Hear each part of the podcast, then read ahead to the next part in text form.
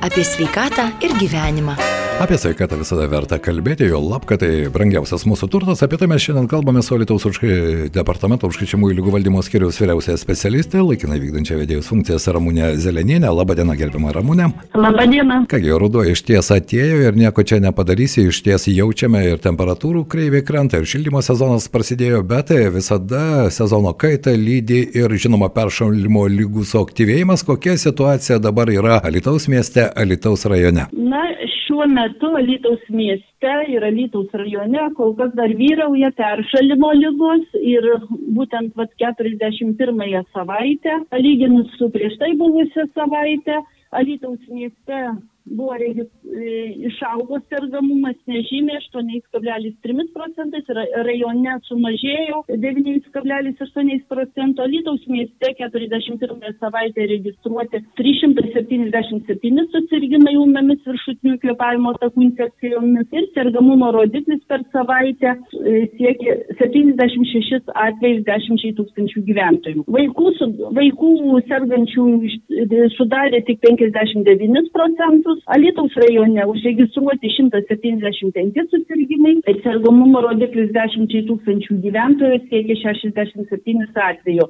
Vaikai taip pat sudarė nedidelį dar procentą 62,9. Taip, tiek mieste, tiek rajone nebuvo dar registruota kol kas gripo atveju. Vienas gripo atvejis jis buvo registruotas apskrityje, tai yra Varėnos rajone už 41 savaitę. Štai tokia situacija. Taip. Pasakyti, 41 savaitę Alytaus apskrityje buvo registruoti 206 COVID lygos atvejai, 95 atvejai buvo registruoti Alytaus mieste, 32 atvejai Alytaus rajone, 37 druskininkų savivaldybėje, 12 Varėnos rajone ir 30 Lazdijų rajone. Na štai tokia statistika praktiškai štai ir šiandien virš tūkstančio COVID susirgymų Lietuvoje, bet COVID liktai taip ramūne visiems mums jau per tuos 2,5 metų gerokai atsibodo ir praktiškai žmonės nelabai tai kreipia dėmesį, bet vis tik sezono kaita, štai jūs minite, jų gripo susirgymų vienas vienintelis buvo Varėnoje, Alitaus mieste rajone tokių susirgymų nebuvo, bet juk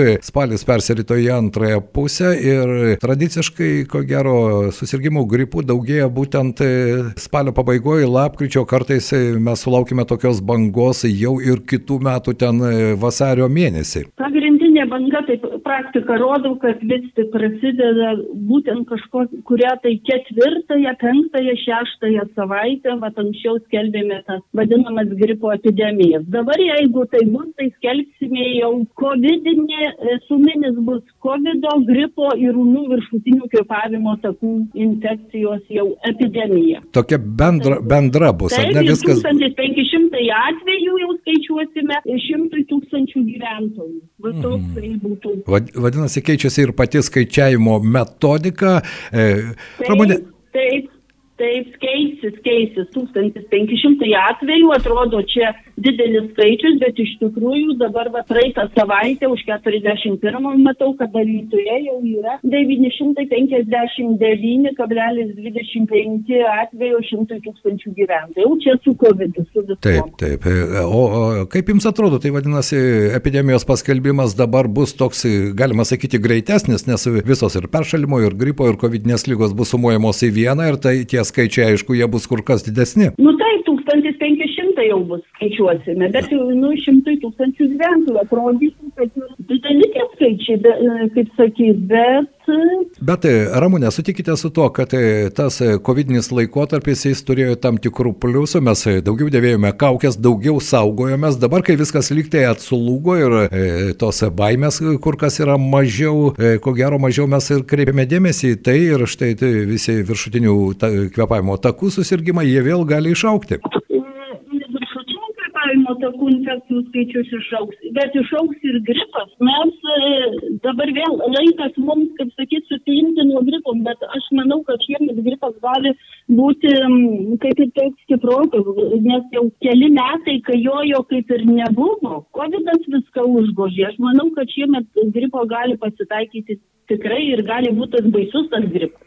Aišku, vadinasi. Bet norint to gripo išvengti, Taip. Tai manau, kad vis tik svarbiausia, efektyviausia priemonė tai yra skiepai, apsauganti nuo gripo ir ypatingai nuo jų, jo tiksliau sukeliamų komplikacijų. Taip, tai yra labai tai. svarbu, o dabar dar ne vėlų, gripo vakcinų užtenka, galima skiepytis. Ir dabar noriu ką pasakyti, kad visos asmens sveikatos priežiūros įstaigos tiek apskrities, tiek mūsų Alytaus miesto ir rajono e, yra gavę sezoninę gripo vakciną įsigytą už valstybės lėšą. Šiomis vakcinomis galima skiepytis visiems asmenims, kuriems, kuriems yra virš 65 metų, asmenys, kurie iki 65 metų, metų serga lėtėmis, širdies, kraujagyslių, inkstų ir kitomis lygomis asmenys, sveikatos priežiūros įstaigos darbuotojai dirbantys turėtų pasiskiepyti, neščiosios ypatingai.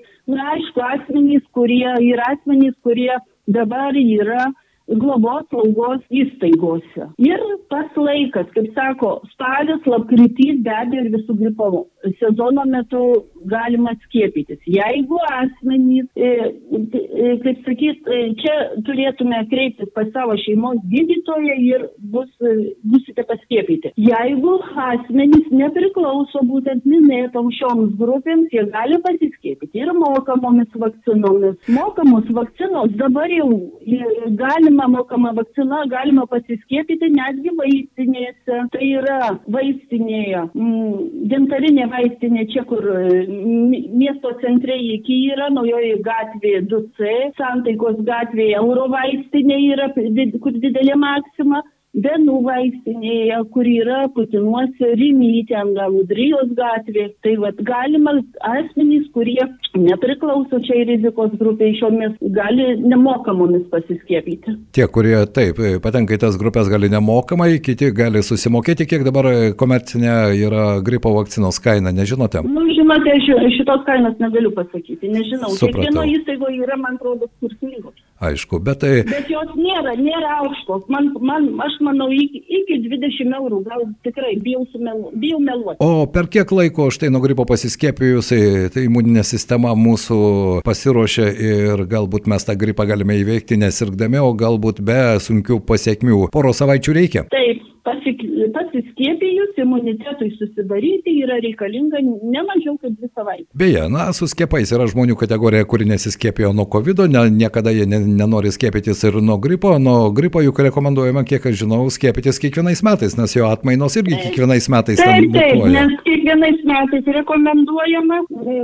gripo virusai tiesiog mutuoja ir kiekvienais metais ta gripo vakcinos sudėtis yra peržiūrima ir, ir tiek. Nes... Ramūnė, dar vienas klausimas, dabar pradedam košioti ar sloguoti, ar ten kažkokie negalaimai, visi iš karto pirmiausia puola daryti greitai COVID testą, ar ne, nes vis tiek dar tas nesaugumo jausmas yra išlikęs, o tik po to jau ieškome kitos priežasties, jeigu jis ten parodo neigiamą rezultatą. Ar galbūt yra kitaip, jūs galbūt geriau žinote tą realią situaciją, kaip žmonės reaguoja štai ir į peršalimų lygas, ir na tuos visus simptomus dabar. Nu, reaguoja tai įvairiai žinokite, čia sunku vėlgi pasakyti čia negaliu taip. Be jokios abejonės. Bet tai tas e, nu, atmetimas individualiai, taip, e, bet tai jūsų nuomonė, ar vis dėlto ir po COVID-nis laikotarpis, ar ta, tas požiūris keičiasi į tą skiepo būtinumą, tebūnė gripo skiepo būtinumą kiekvienais metais? Ar daugėja tokių, kurie, na, nori pasirūpinti savo sveikatą, nenori sunkiai sirgti, net nori turėti gripo sunkių pasiekmių ir vis dėlto e, skiepijasi? Nu, čia vėlgi yra. Praėjusiais metais, žinokite, iš tikrųjų, kas jie liečia gripo vakcinos įskiepėjimą, tai yra tragiška situacija. Buvo žmonės tiesiog nesiskiepijo, bijojo, COVID e, kažkaip ta vakcina ne visiems galbūt pasiteisino ir jie. E, tai vat ir dabar dar ką norėjau pasakyti, kad e, skiepijantis gripu gripo vakcina galima pasiskiepyti ir pneumokokinės infekcijos vakcina, be abejo, čia reikia su šeimos daktaru pasitarti ir galima iš karto du dūrius ir į vieną ir į kitą ranką, kaip sako. Bet čia ir COVID-inė vakcina, bet, tačiau visur reikia pasitarti su šeimos daktaru. Aišku, vis dėlto šeimos gydytojas turėtų būti tas, kuris rekomenduos kuris, ir patars. Argumentuotai aišku, bet kaip sakyti, čia sunku, sunku kažką komentuoti apie Be jokios abejonės.